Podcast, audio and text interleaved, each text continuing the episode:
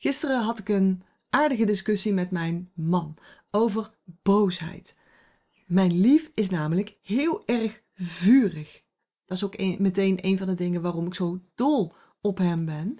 Hij is vurig. Hij, hij kan bijvoorbeeld enorm lyrisch zijn over de fantastische broccoli-schotel die ik heb gemaakt.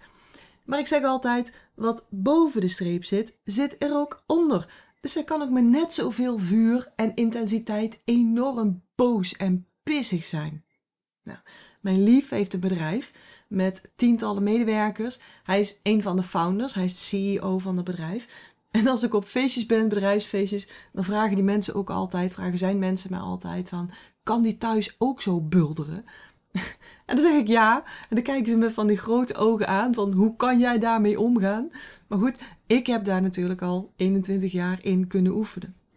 Maar goed, mijn lief was dus tot de conclusie gekomen dat hij meer boos moest zijn. Of dat hij zijn boosheid meer moest uiten. Dat dat slappe gedoe eigenlijk alleen maar onduidelijkheid bracht. En dat mensen daar niet beter op gaan functioneren.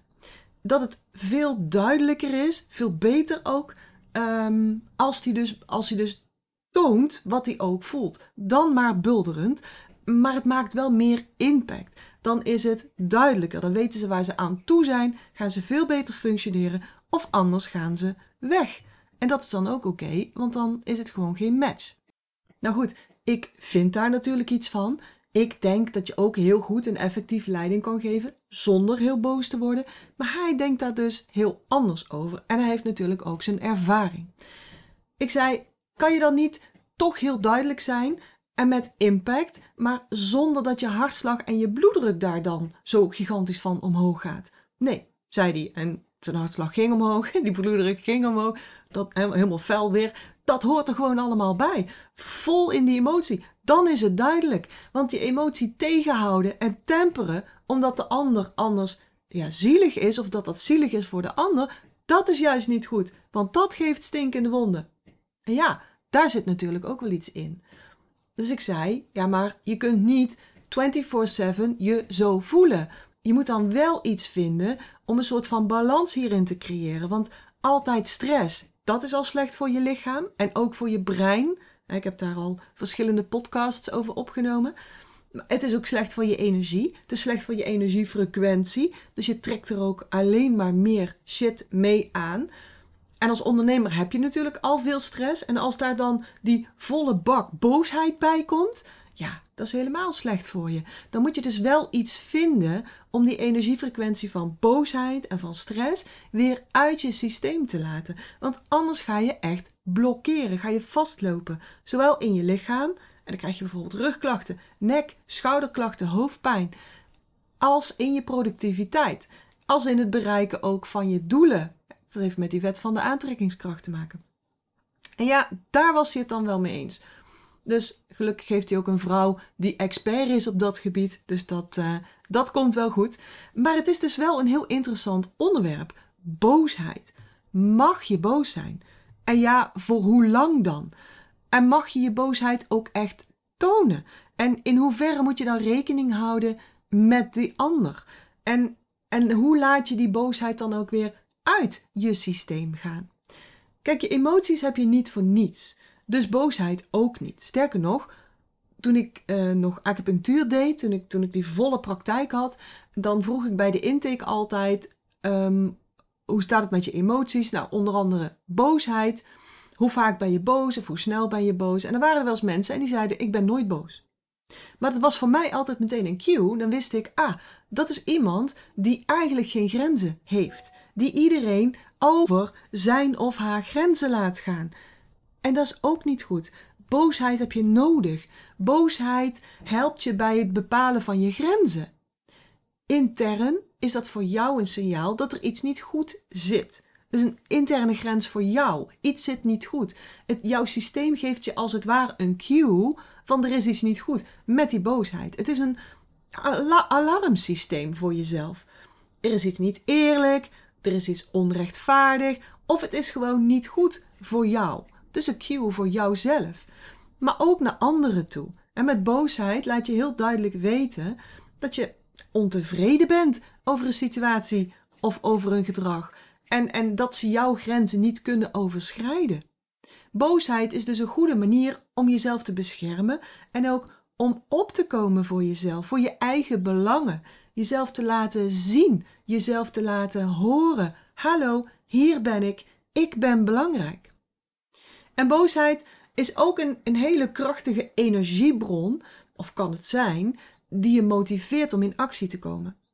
Die je, die je aanzet om problemen aan te pakken, obstakels te overwinnen en dus voor jezelf ook op te komen. Het kan echt een stimulans zijn om, om veranderingen door te voeren. In je bedrijf bijvoorbeeld, om die next step te bereiken, om dat volgende te bereiken wat je zo graag zou willen bereiken. Dus boos zijn is af en toe gewoon nodig. Maar mag je die boosheid dan ook uiten? In onze maatschappij wordt dat niet zo heel erg geaccepteerd. Boosheid moet je meteen temperen. Dat geldt voor mannen, maar dat geldt al helemaal voor vrouwen. Boze mannen, die zijn nog een beetje zo van stoer en die tonen wilskracht. Hè? Daar kijken we dan naar op. Oeh, boze man. Maar boze vrouwen, ja, dat zijn meteen fakesen. Die, die, die, die moeten hun hysterische gedrag aanpassen en anders moeten ze maar opzouten. Het is dus wel een verschil tussen een boze man en tussen een boze vrouw. Het is natuurlijk ook zo dat vrouwen al heel snel op een hogere toon gaan praten. Misschien ook wat sneller. Dus het krijgt ook een andere impact. Maar er is wel echt verschil in tolerantie uh, tussen een, een man die boos is en een vrouw die boos is. Dus bij deze mooie vrouw, als je luistert, jij mag ook boos zijn. Jij mag ook je boosheid uiten. Zeg maar eens even tegen jezelf: Ik mag boos zijn. Ik mag boos zijn. Ik mag mijn boosheid ook laten zien. Ik mag mijn boosheid laten zien. Het is helemaal oké als ik boos ben en als ik dat uit. Je boosheid laten zien is dus ook goed. Is ook eerlijk. Want je laat naar de ander geen masker zien, maar je laat zien wat er echt bij jou omgaat. En, en dan kan die ander dan ook weer reageren op de echte situatie in plaats van op dat masker wat je dus displayt. Want dat voelen ze namelijk toch wel. Die vibe van boosheid. Die is er dus aan de ene kant, hè, die vibe van boosheid, die voelen ze. Maar aan de andere kant zien ze dat masker van geduld. Van, ach, het valt wel mee. En achter is ook eigenlijk niks aan de hand. Maar het klopt niet met elkaar. Het matcht niet. Je ziet het een en je voelt het ander. En dat is ook niet eerlijk. Moet je ook bij stilstaan. Dat is ook niet eerlijk in een energieuitwisseling, in een relatie. Ik had van de week een, een sessie met een klant en uh, ik liet haar haar onderontwikkelde kwaliteiten onderzoeken. Ik doe dat uh, bijna altijd met mijn mensen. Gebaseerd op je energietype heb je natuurlijk een reeks van kwaliteiten. Maar als je die niet allemaal ontwikkeld hebt, dan gebruik je dus niet, en heb je dat niet ontwikkeld, je volledige potentieel. En daardoor kun je je onvervuld voelen, maar kun je ook niet zo snel en niet zo makkelijk vooral je dromen en je doelen bereiken, zoals je dat zou willen. Het gaat dus allemaal een stuk makkelijker wanneer je je onderontwikkelde kwaliteiten, die bij jou passen, hè, wel een verschil met, met alle kwaliteiten, daar heb ik het niet over. Nee, jouw onderontwikkelde kwaliteiten die bij jou als persoon en energietype passen, als je die gaat ontwikkelen, dan gaat het allemaal makkelijker worden, gaat het allemaal sneller. Maar goed, een van die onderontwikkelde kwaliteiten die bij haar er dus uitkwam, was open en ontvankelijk zijn. Dat zou ze dus van nature heel goed moeten kunnen. Dat zit in haar type. Maar in haar geval heeft ze dat dus eh, eh, afgesloten gehouden, dicht gehouden. En dat heeft natuurlijk zijn redenen. Ga ik vandaag niet te ver op in. Um, maar er is een reden dus dat zij dat, dat open zijn niet volledig heeft ontwikkeld. Door open te zijn ben je ook veel meer kwetsbaar. Dan kun je ook afgerekend worden op datgene wat je dus zo open deelt of, of laat zien. Dus dan kun je dat soms maar beter niet doen. En dan ga je dus zo'n kwaliteit die je van nature hebt, ga je dichtzetten. En dan kun je maar beter niet open zijn. Of pas in een veel later stadium van uh, de communicatie tussen. Hè? Want open zijn heeft natuurlijk te maken met ook de ander. Hè? Naar wie moet je open zijn? Maar wat er dan gebeurt, is dat je een relatie met iemand opbouwt. En dat kan zijn een relatie met je klant, het kan zijn een relatie met je werknemer, kan zijn je broer, kan zijn je liefdespartner. Maakt niet uit. Dat zijn allemaal relaties die je opbouwt. Maar als je dus niet open in die relatie stapt, dan gaat die ander gaat die relatie bouwen op dat masker wat jij laat zien. En daar start je dus eigenlijk al met die relatie op een nou ja, valse, op een, op een niet echte manier, op, de, op een verkeerde manier. En als je dan later open wilt zijn, dan moet je dit dus gaan corrigeren bij die ander. Je moet die visie van die ander gaan corrigeren. Want die heeft een heel ander beeld van jou. En die reageert dus in de relatie eigenlijk op dat masker van jou. En misschien kan dat dan ook niet meer. Misschien kun je dat ook niet meer bijgedraaid krijgen. En niet iedere relatie is daar ook tegen bestand. Snap je wat ik, wat ik je wil laten zien? Als je dus direct aan het begin van een contact, van een relatie, meer open bent.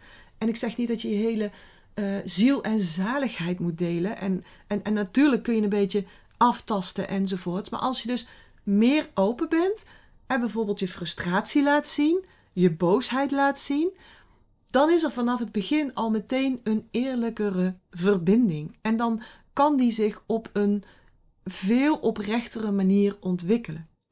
Je mag dus boos zijn. Je moet zelfs regelmatig boos zijn. En je mag die boosheid ook uiten. Want dat is veel eerlijker dan dat masker op te zetten. Misschien is het niet leuk voor de ander, maar het is wel veel opener. Het is veel eerlijker dan dat masker wat je displayt. Maar, en ja, er is natuurlijk altijd een maar. Te veel en te lang is niet goed voor je. Dus bulderen met van die dikke aderen in je nek en je handen gebald tot vuisten, omdat je er het liefst meteen flink op los wilt timmeren.